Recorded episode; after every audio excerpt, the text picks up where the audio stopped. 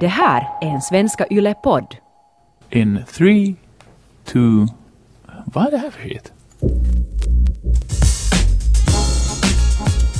Podd avsnitt nummer 43 bandas som vanligt ungefär vid samma tidpunkt som sig bör. Och det stora ändringen i min omgivning och när jag varse blir eh, det som finns omkring mig är det att det faktiskt är ljust så här på förmiddagen nu för tiden. Hej på dig och god förmiddag Chris Vuojärvi. Detsamma, tack. Eh, Vi är inne i januari, på slutrakan dessutom. eh, Vinter, Äntligen. skidvärldscuperna rullar på, allting håller på att hända. Det är en sån bra fas av året just nu känns det som. Ja, visst är det. Eh, det känns ju som att eh, det har blivit ljusare och, och det känns som att alltså, julen var ju där, men visst har det blivit ljusare och, och jag vill inledningsvis senast återkoppla till det vad vi talade om för en vecka sedan, det vill säga vi talade mest om, om Roger Federer, jag plockade in äh, Rafael Nadal, men, men herre du milde tim- himmel vilken uppvisning av Novak Djokovic i finalen mot Nadal. Det var ju utklassning så att jag vill väl här då bara krypa till korset att, att Djokovic ska ju nog också tas in i diskussionen om man vill föra en diskussion om eh, vem som kanske om 5-10 år kommer att anses vara den bästa genom tiderna. För han är ju nu uppe redan i 15 Grand Slam-titlar, fem bakom Federer, två efter Nadal och det som han visar upp i Australien i Melbourne så kan det mycket väl bli många fler titlar Ja. för Djokovic. Visst, Ja, det var väl spännande också att, att, att för arrangörerna som hypade upp det här som att äntligen får vi det här stormötet. Vi hade väl mötts i någon helt episk superlång final som hade dragit ut på tiden och blivit liksom en sån där maratonmatch som folk minns.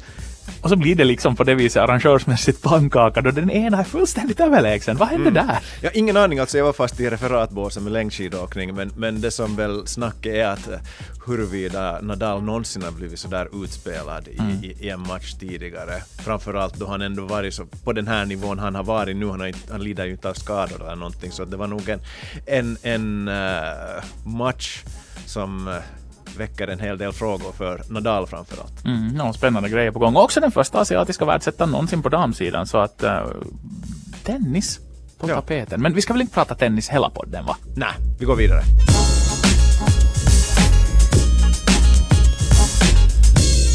I svenska kvällstidningar använder man ord som transferbomb, transferskräll eh, för att beskriva ska vi kalla det otippade spelarövergångar. Eh, motsatsen till det fick vi förra veckan då det blev klart att Sergej Jeremenko tecknat ett lånekontrakt med SJK SJK som ju lotsas av pappa Jeremenko. Antalet överraskade var noll. Faktiskt. Antti, det här är ju mera ditt gebit. Uh, hur bra tror du att Sergej är i, i ligan uh, under den kommande säsongen?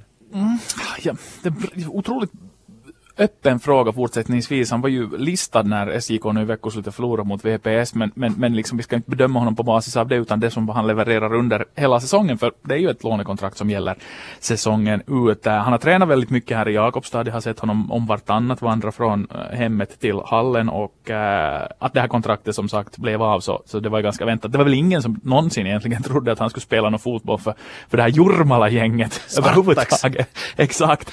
Eh, så att, att eh, det här är ju en kille som har haft skyhöga förväntningar på sig sen han var egentligen, ja, sen han föddes på sätt Ja. och vis. Men sen, sen 13-14 års ålder så hade det redan varit frågan att nå, hur bra, hur bra, men hur bra, hur bra. När du säger det så jag kan inte bara låta bli att, att ställa den här frågan att, att hur har snacket gått i Jakobstad? För, för någonstans har han ju levt med trycker förväntningarna på sig jämfört med Losha, Alexej Junior och, och Roman. Att har han ansetts vara mer talangfull eller mindre talangfull? No, han har alltid ansetts ha talang och han har ju obestridligen haft det också och spelat i, i åldersgrupper ovanför sin egen nivå så att säga och äh, äh, sen, sen helt enkelt rulla in i den instöpta formen på den stigen som var reserverad för honom. Tidig ligadebut precis som bröderna, äh, snabb utlandsflytt, inte kanske precis som bröderna, men visst stack ju Losha sen också till Italien när han var 21, 22 någonting. Så att, att det följer ett invant mönster inom familjen Jeremenko, vad man gör med sina talanger.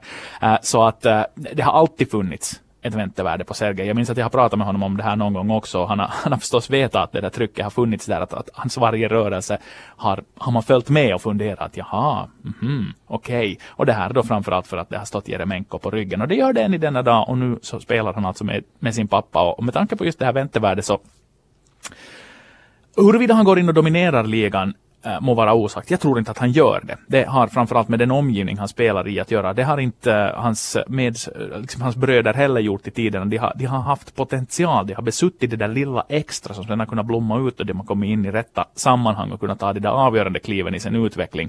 Så att det är framförallt det man ska spana efter. Vad han kan tillföra. De där finesserna, det där, det där lilla extra.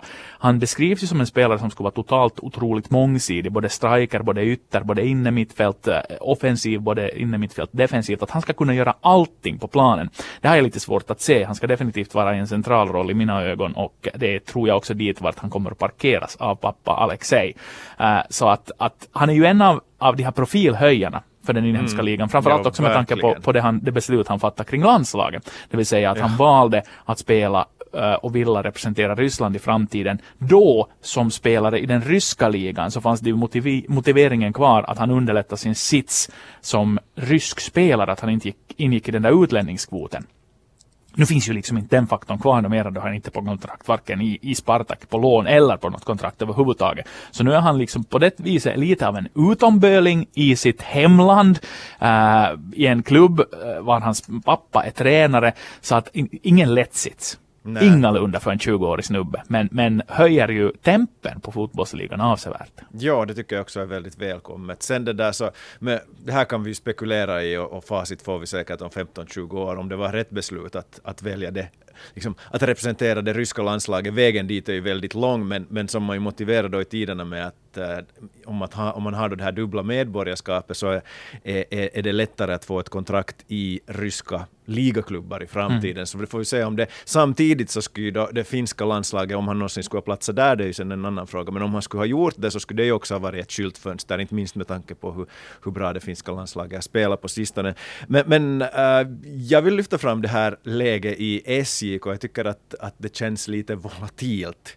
För äh, nu har man i truppen inte bara huvudtränarens son, man har dessutom huvudägaren Raimo mm. Sarajärvis son Jesse Sarajärvi och, och omklädningsrum i, i olika lag. Så nu är det ju någonstans ett ganska så här, ska vi kalla det ett skört ekosystem. Mm. Upplever majoriteten i omklädningsrummet att någon spelare får fördelar så, så rubbar det ju harmonin varje gång och på nolltid.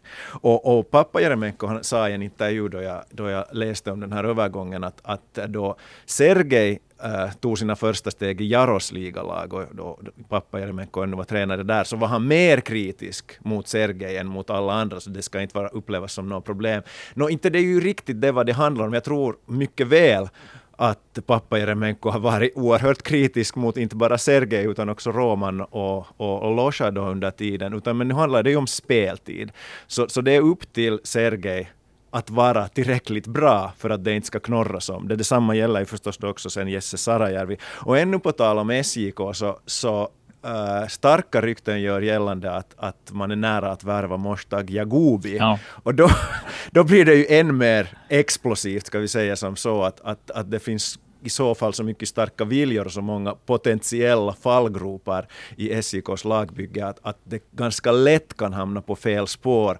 Och med tanke på hur SJKs senaste säsonger har sett ut så, så finns det stora frågetecken. Ja men det är ju klart, det är jättelika framgångsförväntningar naturligtvis kombinerat med en sån här krutdurk till omklädningsrum och eh, liksom, inte kontroversiella personer men starka viljor på otroligt många positioner. Så det är ju upplagt för, för drama.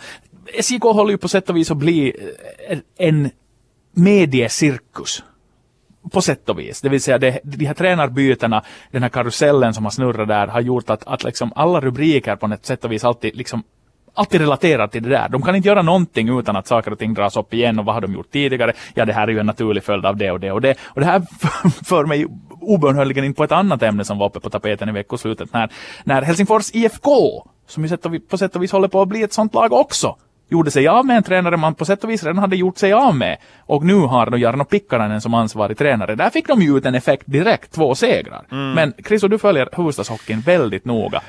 Vad, är, vad, vad, betyder det här nu i praktiken? De är ju ändå sexa på väg mot slutspel. Ja, och, och det är just där jag vill, vill, inleda det här. Om vi, om vi tänker på IFKs säsong, så den har ju varit turbulent och det har varit skador och det har varit kanske ett, ett, ett lagbygge som inte uh, hamna på rätt köl inledningsvis. Man hade ju tänkt sig att Antti Suomela skulle vara första center, kom från Djup till IFK och teckna kontrakt, men så gick det ju som så att Suomela uh, fick kontraktserbjudande från NHL och, och gör väl ifrån sig sen hos sig, så att där blev det genast ett hål på första centerns position. Men det kändes ju lite som att kanske vändningen efter all turbulens hade kommit, tycker jag, efter årsskiftet. Om jag tittar på, på, på resultaten sen årsskiftet. Under Selins ledning spelade man åtta matcher, man tog 14 poäng och det ger ett poängsnitt på 1,75 per match. Det var avsevärt, no, åtminstone rejält lite bättre än, än tidigare under säsongen då man ungefär snittade 1,5. Så att, så att trendkurvan pekar lite uppåt,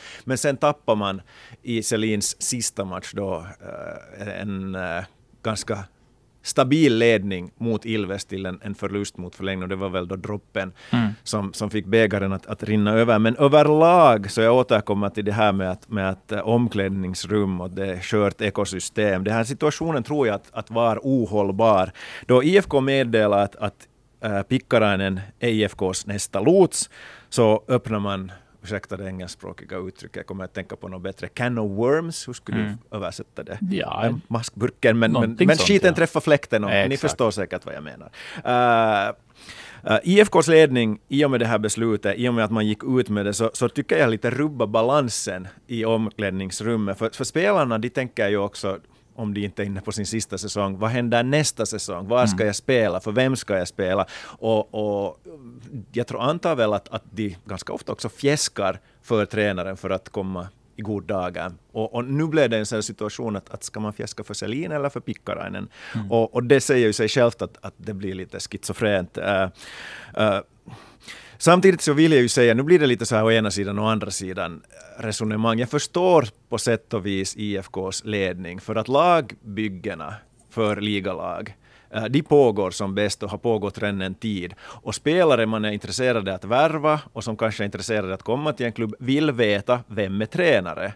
Och, och då kanske man är tvungen, tvungen att eh, då meddela att no, det är nog Pikkarainen sen som tar över. Mm. Och ishockey kretsarna är så små att det här skulle ha läckt ut. Jag, jag tror inte att, att det skulle ha jo, hållits en ja. hemlighet särdeles länge, men någonstans ändå så tycker jag att det här hela sköttes ganska klantigt. Och uh, låta bli då att, att gå ut i offentligheten med det för att åtminstone så länge som möjligt försöka ha harmonin med en huvudtränare och inte några nå diskussioner om det.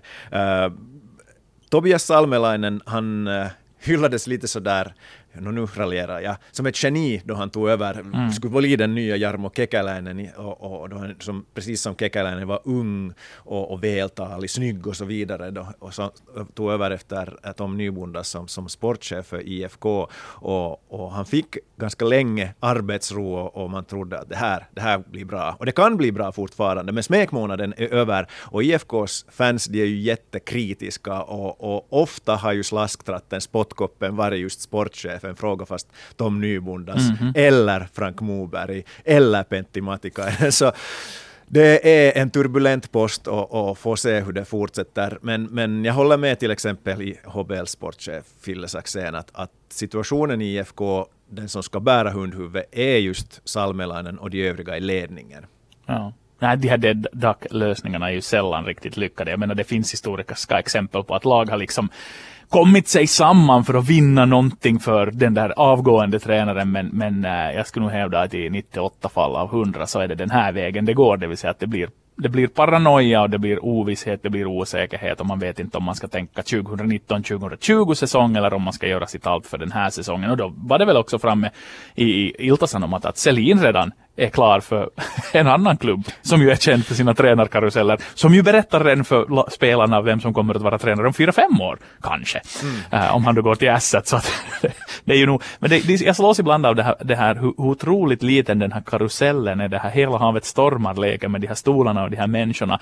Att hur sällan det faktiskt kommer in genuint och äkta nytt blod i ligatränarskrået. Det händer med jämna mellanrum och de kommer ofta via assistentvägen, precis som Jarno Pikkarainen gör nu. Jag minns honom från, det var nästan var tio år sedan då han var tränare i Jukurit. Ja. Äh, som en profil som ofta besökte Vasa och då var det ju mycket annat i rubrikerna kring honom också. Det var Exakt. misshandlare, det var Ja, krogslagsmål och bita folk i näsan. Så att det är Får ju se liksom... om han har lärt sig sin läxa. Exakt, det är en bra fråga. Men liksom, eh, man, man stöter ofta, när man framförallt rör sig på mästishockey eller i juniorkretsar, så möter man tränarprofiler, man, man, man pra, pratar med en människa och, och slås av att, att wow, att den här killen det här känns sunt, det här känns smart, att man hoppas att han skulle få chansen. Men sen tar det ganska förvånansvärt länge förrän de är där och får den där chansen. Ett färskt exempel, Hermes går ju som tåget i Mestis för tillfället och tränas av, nu kan det hända att jag kommer ihåg namnet fel, men jag skulle säga att han heter Jarno Tonanen. Snabbgooglar här medan jag berättar om honom. Äh, han åldersmässigt, äh, filosofimässigt och äh, på många sätt gjorde ett jättestort intryck på mig. Sådär som en ung Pasi Räsänen gjorde. Det vill säga att man, man, man på sätt och vis inte faller pladask för en tränare och hans filosofier, men, men det här eh, helt enkelt imponeras av att Vitsi, den här killen kan kanske bli något. Under 40 år gammal fortsättningsvis och äh, en kille som besitter potential. Och sådana såna killar skulle jag gärna se komma fram. Janne Tonanen och inget annat. Det här var förnamnet. Hyllning till honom, bara på basis av vad jag har sett honom göra med Hermes sen han tog över efter då Ari-Pekka Pajuluoma. Som ju nu har fått chansen i sport, där en viss Mikko Manner i tiderna fick sin chans. Det vill säga, jag skulle gärna se snabbare, högre omsättning på att släppa fram unga tränartalanger, för där går ju fotbollen i en helt annan riktning för tillfället. Där väldigt unga tränare kan få väldigt tidigt chanser, till exempel också på internationell Ja, toppnivå, framförallt ja. med Tyskland som pionjärsland. Det är bara som ett inlägg i den här debatten. Men IFK ska vinna, det är väl grund och botten. Det är liksom the bottom line. Kravnivån i Helsingfors Exakt. IFK är sån att ingenting annat duger. Och, Ja. och det är därför de här fansen är så kräsna. Det är därför svansföringen är så hög också. Det är därför den här kaxigheten är så hög. Men om inte den här kaxigheten matchas av det som händer på isen så då blir det alltid en diskrepans och då blir det bara pinsamt. Ja, och när du nämner Manner så jag tycker också överlag att, att äh, tränare som Manner som är väl på något sätt humana och ser spelaren först och låter spelarna spela så, så jag vill se fler av den varan. Jag tycker att Juha Jojärvi verkar vara en sån typ som jag skulle gärna se få chansen i ett, en större klubb. Och sen, vad hette han nu som var U18-landslagets chefstränare i, våras då Finland vann? Han var ju en helt, verkar vara en helt fantastisk typ också. No, nu minns jag inte namnet, men ni minns säkert den här glada laxen som, som kom, kom skrattande och- Henrik Lax. till, till, till intervjusituationerna. Att, att karismatisk men human. Eh, Jag har, jag har fått nog av de här sura gubbarna som ofta lotsar de här ligalagen i Finland.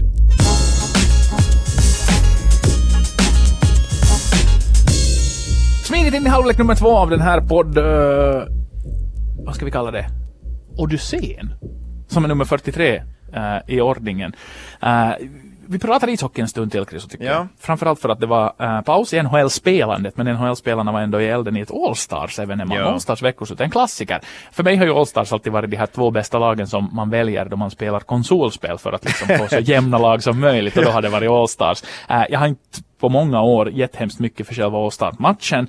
Eh, men den är åtminstone i rubrikerna nu och gott så. Vad har du för intryck av Allstars i allmänhet och framförallt det här årets? No jag kan inte låta bli att ta fasta på det vad du sa om, om man spelar konsoler och, och All-Stars-lag. Så att då man fick ett nytt spel och, och ville lära, eller åtminstone göra mål, så gjorde jag som så att jag valde endera NHLs All-Stars-lag, västra eller östra konferensen, mot typ Japans landslag. Med Kobayashi i mål.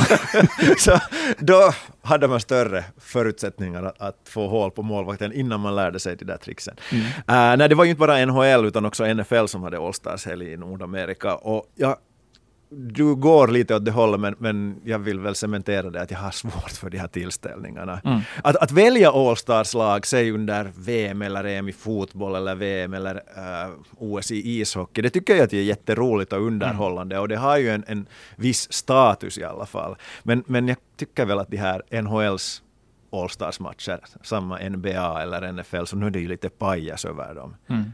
Och, och jag skulle klara mig som idrottskonsument mycket väl utan dem. Det är ju ett nordamerikanskt fenomen också. Ja, och- för att vi nu- har ju inte här Ja, jag, undrar att om, om det, alltså du måste ju ha någon form av genomslagskraft eftersom som man fortsätter arrangera dem år efter år. Um, men jag funderar här i mitt stilla sinne uh, om det finns någon motsvarighet i idrottsvärlden och det enda jag kommer att tänka på Inte Lancy i boboll. Nå, det har vi ju. sig, Men de hatar på. ju varandra.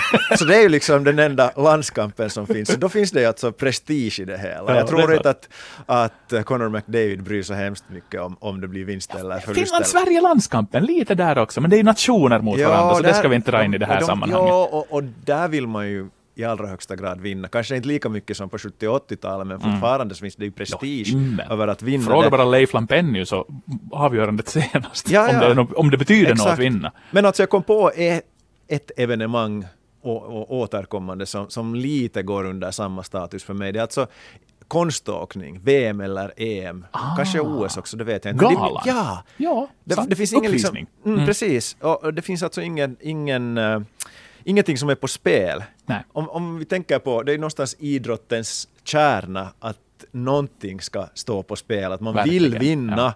Och, och det spelas ju otaliga träningsmatcher i, i diverse grenar. Men Ja. där finns ju alltid ändå det här att man tränar för att bli bättre, Mm, så man vill vinna. Och framförallt finns det ju också då alltid spelare som vill visa upp sig för tränare och talangscouter att, att ge mig chansen eller äh, värva mig eller så vidare. Mm. Men, men de här All-Stars-matcherna så innehåller inte något av de här elementen. Nej, nej, det är faktiskt på det viset, liksom som, som eh, deras PR-värde och liksom det, showcase som de är, det är ju det det handlar om. Och framförallt om man tänker, de har ju en skild media-dag, NHL hade det där finländarna bland annat blev intervjuade till lust och leda. Och jag kan tänka mig att är du ung på väg uppåt i karriären och kanske inte har familj ännu och, och, och, och sådär, så är det ju häftigt. Det är ju coolt att du kan på din uh, hockey DB CV skriva in att du är en, en NHL All-star. Det är ju status, det är inte sådär eh, samma status som Olympian ger, men du är ändå en, you're an All-star. Ja, nej, inte det helt billigt. Hey Palle. now, you're an all-star. Så att liksom, det blir coolt. Uh, mm, men sen samtidigt, är du som, är du elfte årets all-star och alternativet hade varit en ledig helg med familjen. Så är det ju kanske sådär att tja, vart är det i år? Texas, jippi. sådär, vet du. Att, att liksom, jag kan tänka mig att för spelarna är det, är det väldigt olika med att hur kul det nu sista slutligen är att åka. Men det som jag tycker är fantastiskt och det som alla där ute ska gå och göra är att läsa in sig på Mattias Simonsens kolumn från den här måndagsmorgonen som handlar om det som hände med, med damspelarnas introduktion till de här talangtävlingarna. För det är fantastiskt intressant. Brianna Decker och hennes insats i den här passningskarusellen gav upp till en, en, en social mediestorm när Decker uppenbarligen var snabbare än Leon Draisaitl på den här passningsövningen. Eller var hon det? Eller var hon det? Men, men enligt många mätningar, objektiva sådana, subjektiva, jag vet inte, eh, så var hon åtminstone alldeles bländande på detta som herrarna tävlade i. Och vinnaren i den här tävlingen skulle få- skulle få 25 000 lax. Eh, och eh, här gick en, en sponsor in och täckte kostnaden och tyckte att Decker var värd de här pengarna. Och inte bara Deckers insatser där, utan framförallt Kendall Coyne Schofield och hennes skridskoåkning äh, väckte ju många hockeyvänner där ute. Jag skulle ju hävda, Chris, att du och jag med vårt långa perspektiv av att jobba med damishockey, bland annat på olympiska spel, vet det här. Att damhockeyn, framförallt i USA och Kanada, men också när Finland och Sverige är på sitt vassaste, håller en hög nivå. Och att sen Kendall Coyne Showfield går in och pulveriserar det där banvarvet på skridskobanan. Det, det, är liksom, det, det, det, är ingen, det är ingen chock, men det är klart en glad överraskning och det här har ju fått folk att faktiskt reagera. Ja, det är det enda som, som jag har sett på mina, mina eh, Twitterflöden från det här veckoslutet egentligen. Allt annat har ju varit bara en axelryckning. Men, men det verkar ju nog som att åtminstone, ska vi kalla det grenfolket, fansen i Nordamerika börjar också tröttna på de här Allstars-evenemangen. Ja. För det har ju ett par gånger nu varit så att eh, man har röstat in eh, en sån här eh, spelare med, med ganska begränsade meriter.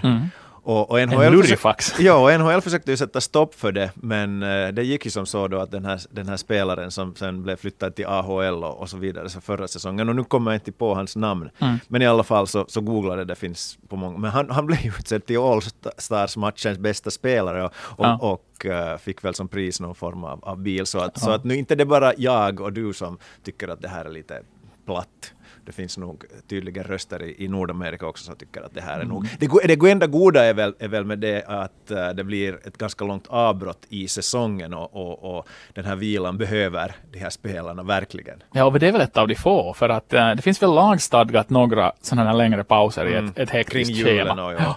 Men att, men att i övrigt så, så är det för de som inte måste gå dit och, och, och, och uppträda på, vi kan väl kalla det för uppträda ja. på ett All-Star-evenemang, så är det ju faktiskt välkommen ledighet.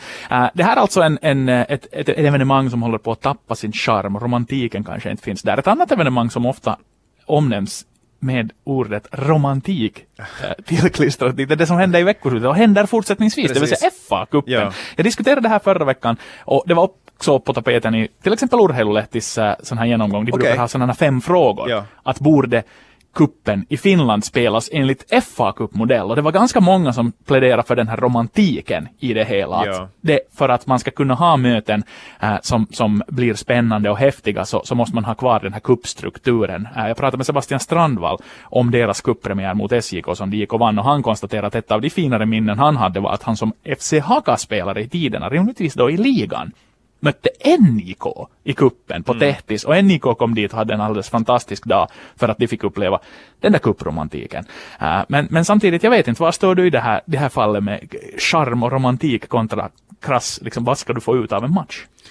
Uh, nu är ju en, en idrottsromantiker och jag förstår problemet, den finska säsongen och sommaren är så fruktansvärt kort om man vill få in under den här eh, vintersäsongen om vi kallar det, det är det eh, matcher som har betydelse som mm. sen i slutändan kan betyda någonting, det vill säga en, en, en plats i Europa. Men nog skulle det ju vara häftigt att få tillbaka de där matcherna på något sätt där division 1-lag eller, eller från lägre divisioner kan mm. möta lag som är bättre. För uh, någonstans så ska man sprida det här budskapet också så att inte de stora bara blir större och de fattiga fattigare. Jag vet ju inte, det finns ju inga pengar i den finska kuppen men, men, men, men, någonstans så, så, tyckte jag väl nog bättre om den gamla modellen. Ja. Det som den här nya modellen förstås för med sig, vilket jag tycker är fantastiskt bra, är att det tvingar faktiskt fram en bunt med kontrakt före tävlingsmatcherna kör igång. Det vill säga att klubbarna måste ha, är det nu 15 spelare på mm. kontrakt när hela det här sparkar igång för att få delta. Och det är en jätteviktig markering, det vill säga att också ur professionell synvinkel så måste ju spelarna få veta uh, och få besked att när de, när de blir spelare i en klubb som de kanske tränar med från december så ska inte kontraktspappret komma på bordet i slutet av mars och säga att hej, vi kör igång och betalar lön åt dig från första april, så får det helt enkelt inte vara. Uh, så det är ju en, en mm. positiv följd av det här att tävlingssäsongen på det viset förlängs och det blir lite mer professionalitet. Uh, jag måste kolla bara på den här fa romantiken hur, hur mycket av den kvarstår till exempel i årets upplaga och spola snabbt igenom hur det ju nu gick i den här fjärde omgången som spelades i veckoslutet. Uh, utstrittade Premier League-klubbarna Arsenal mot Manchester United, Burnley mot Manchester City, Everton mot Millwall, West Ham mot mot AFC Wimbledon. Ja, det var ju fantastiskt. Ja, absolut. Spurs mot Palace och sen tidigare hade också Liverpool, Leicester, Fulham och Southampton hälsat hem. Ganska många mm. redan, kan vi konstatera. Ja, och det ja. blir ju lottning nu. Och här vill jag bara lyfta fram och ge allihopa ett litet tips. Att ikväll så får man den där överdosen av den här fa Cup-romantiken. Inte kanske i sin absolut puraste form. Men det sista non-League-laget är kvar i turneringen. Uh, och den här matchen sänds faktiskt i Finland av rättsinnehavaren Viasat. Det här är Barnet mot Brentford. Matchen spelas på The Hive i norra London. Uh, oh. arenan, arenan drar 6000 personer. Jag har varit där. Mm. Brentford är alltså nionde i The Championship just nu, så det är alltså ett jättebra lag. Uh, skulle jag nu få, fått välja som Barnet-supporter så skulle jag kunna vilja ha kanske någon av de här forna storklubbarna ur The Championship åtminstone då i så fall, säg Newcastle, uh, eller Leeds, eller Villa för den delen, så skulle det ha varit lite mer liksom top billing. Men alltså Barnet Brentford idag, från den femte högsta nivån, alltså Barnet Barnet på hemmaplan mot Brentford. Båda lagen för övrigt kallas för The Bees, vilket ju är fascinerande. Okay. Så det blir The Battle of the Bees, är brände i England. Så att, att jag tycker allihopa ska ta och titta på den här matchen om ni har möjlighet. Och så ska ni känna efter. Är det det här jag vill se? Är det det här som är fotbollens essens? Och sen kanske spola fram till något möte med Manchester City-Liverpool om någon vecka och fundera sen när de ser den matchen eller är det det här? Och, vad är liksom, ja. vad är större? Och om ni ser på den matchen, nu, det, nu är det säkert 15 år sedan jag var så på en match på Barnets stadion, då var det Chelseas reserver som mötte ett annat reservlag, men det var alltså, den där planen är känd i hela England för att den sluttar något oerhört. Jag vet inte om den gör det fortfarande, men det är alltså stor skillnad om man spelar åt det ena eller det andra hållet. Man spelade alltså tidigare i alla fall så att det var, det var uppförsbacke ena halvleken och nedförsbacke andra. Det här alltså i, i, ha i barnet. Uh, men ännu om den här romantiken och den här charmen, magin som finns kring, kring FA-cupen, så, så lite samma problem som klubbfotbollen så där globalt har, så har ju också FA-cupen numera. Jag, jag spolar så där snabbt igenom de senaste årens vinnare och om man tittar från 1995 och framåt så har vi bara två gånger som ett lag som inte heter endera Chelsea, Man United, Man City eller Arsenal eller Liverpool har vunnit. Mm. Minns du vilka det var? Mm, jag tror jag refererar någon av de tidiga matcherna på 2000-talet, men inte på rak 2008 vann Portsmouth föll ur Just, ja, Premier verkligen. League den, den säsongen, men fick sen ändå spela i Europa. Och Wigan 2013 överraskade Man City i finalen. Okay, men i övrigt ja. har det varit de här fem stora. Och, och, det gör ju att, att kanske lite den här romantiken försvinner. Men, men samtidigt, jag tittade igår på, på efter att kom hem från mina skidreferat på Chelsea mot Sheffield Wednesday och hela ena kortsidan var ju fylld med Sheffield Wednesday-supportrar mm. som orkade hålla låda under hela matchen trots att, att Wednesday sen förlorade med, med 0-3 och bollinnehavet var väl ungefär 80-20 i Chelseas favör. Ja. Att, att nu finns det ju om vi tittar härifrån från det här finländska perspektivet då vi, vi fotbollsvänner tittar på både Champions League och, och, och Premier League och toppmatcher eller liga och så vidare så känns ju FA-cupen ibland lite platt. Men för engelska fans av de här lägre divisionerna så nu mm. finns det ju fortfarande oh, ja. en hel del med romantik kvar och bra så. Mm, ja, men det är de mest förgyllda minnena som ju inte blev förgyllda sen för mig som fotbollssupporter är från två förlorade cupfinaler upplevda på ort och ställe. Äh, lidelsefulla sådana för ganska länge sedan så att jag, jag är en stor vän av cupromantiken.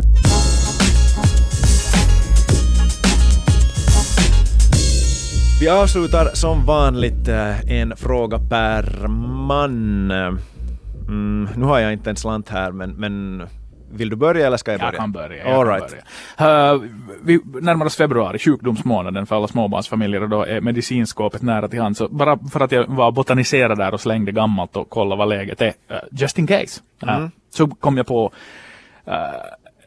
frågan kring huruvida du, du, du, har i din barndom eller liksom förföljs av några medicintrauman. Mm. Äh, mediciner du antingen tvingats ta eller mot din vilja blivit medicinerad med kontra någonting som du faktiskt gillar att ta, ville ha mer av. Medicin i barndomen. Mm, jag minns egentligen, jag har varit ganska frisk som barn och, och, och, våra, ja, och våra två pojkar också tills vidare jättefriska så att peppar, peppar, ta i trä. Uh, personligen tyckte jag som barn att aspirin var oerhört obehagligt, för det började smälta i munnen om man hade det för länge där. Sen när man försökte svälja den hel så kunde det hända att den var så sträv att den fastnade lite sådär i halsen att det kändes obehagligt då den, då den slank ner mot magen. Så, och, och satt man den, vilket man kunde göra också, i ett vattenglas och smakade ju alldeles fruktansvärt illa. Så, så det är kanske det närmaste jag har ett, ett trauma. Sen vad jag gillade då, så det fanns en sån där hostmedicin för barn som hade en kråka på sig. Och det smakar lite sådär som, som en salmare. Utan spriten. Salmare for kids? Ja, så, så det, det, tyckte jag var helt okej. Okay. Nu minns inte jag faktiskt vilken av det där, men jag minns att det fanns en distinktion mellan två brands. Det kan hända att det finns en i denna dag, ursäkta det här är inte ett reklamanförande, men Expigen och Kvilla var de där två ytterligheterna.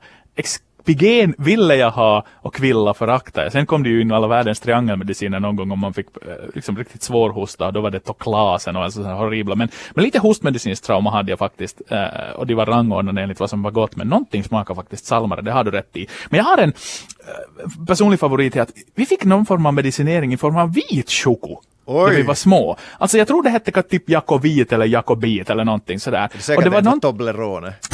faktiskt inte. För det här, det här var alltså små plattor med bitar och, och det var någonting, några ämnen uh, för tillväxten säkert som man fick då paketerat i godis. Och vad skulle inte det funka?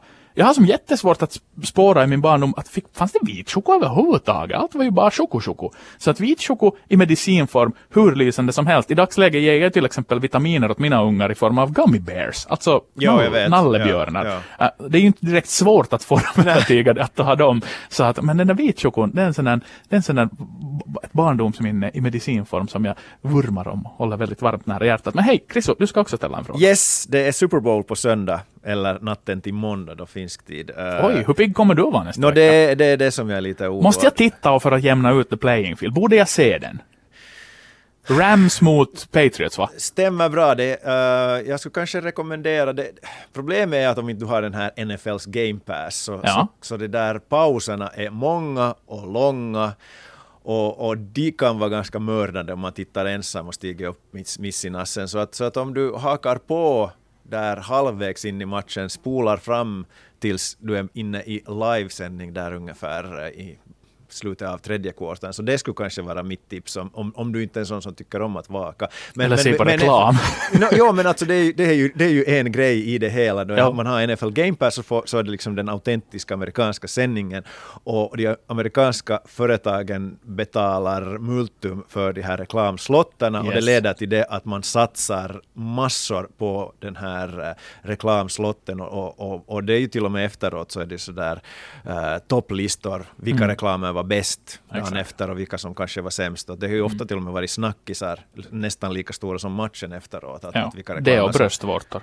Precis. No, men hej, det där om och kring NFL så, så eh, NFL så har fått på något sätt ett åtminstone ett litet men ett, ett engagerat följe i Finland. Så någonstans är det ju ändå en obskyr gren och Mm. liga för de flesta finländare. Ha, ha, jag, jag älskar NFL. Har, Ja, du en, har du en slags, kan jag nu kalla det en fetisch för, för någon sån här udda gren? Jag har kanske varit det där i NHL, NFL ursäkta, eh, bandwagon för, för väldigt, väldigt länge sedan. Jag är alltså en Redskins supporter av börd och jag har videoband kvar. Nej, det har jag ju inte, för jag slängde ju dem i år. Det här diskuterar vi ju. Men de rök. Men där hade jag gjort för hand ritat pärmar med logon och allting och hur matchen gick och vilka poäng sådär. Så att jag var, jag var en ganska nitisk vän av NFL slutet av 90-talet, men, men det har jag nog tappat. Sen har jag haft mina perioder inom snooker och cykling. Men det närmaste jag väl kommer en fetisch nu för en obskyr gren som ju inte är obskyr på något sätt i vårt land men som för en finlandssvensk sportjournalist från kusten blir lite obskyrt. Det är ju bobollen. Mm. Alltså den, jag älskar ju eh, de taktiska vändningarna och hela, hela hur bobollen är uppbyggd och hur en matchsituation artar sig och hur svårt, även om man kan grenen, det ibland kan vara att hänga med med vad som riktigt händer. Så det är väl det närmaste jag kommer. Men, men, men NFL är din fetisch, men finns det någonting annat under det, det hårda vuojärviska skalet som, som inte har trängt fram än? Nej, inte egentligen. Jag, precis som du så, så följde med proffscyklingen tid då. Tidigare då det inte fanns så stort utbud av olika idrottsgrenar, när Eurosport kom det till, till det vuojärviska, tiden. vuojärviska det där hemmet så, så tittade jag då på, på Tour de France och blev fascinerad av det hela. Det var ju fina sändningar och så vidare. Men, men Vem var din favorit genom tiderna Tour de France? Eller liksom cykling överhuvudtaget? Nämn snabbt. Mm, Pedro Delgado. Jag var en Marco Pantani-vän. Okej, ja, piraten. Ja. Ja. Nej men då har det ju varit en otrolig förändring då, just ungefär som du då så, så tittar jag då på då, Kolmonen före MTV3 kom Mm. så, så visade NFL och då fattade jag tycke för det. Sen, kom, sen då jag började studera så, så kom ju nätet och på, på konstiga diskussionssajter så började man hitta information om NFL. Sen kom det webbradio som jag följde med under, under nätterna då hur det gick för Miami Dolphins. Och sen så småningom kom NFL Game Pass och så kunde jag se på alla matcher. Det, det är för en NFL-vän en, var det en himmelsk stund. Men hej, nu har vi pratat länge, vi har pratat eh, en hel Inte del. så väl. Nej, inte så väl. Men, men eh, tack och förlåt kan vi väl säga. Ja, men eh, podden hittar vi som vanligt på arenan och på iTunes och Spotify och sen eh, så hittar vi oss i ett, ett eh, vad ska vi säga, deliriskt tillstånd nästa vecka igen och då alltså post Super Bowl trötta ögon och stämband Koivukangas och vår.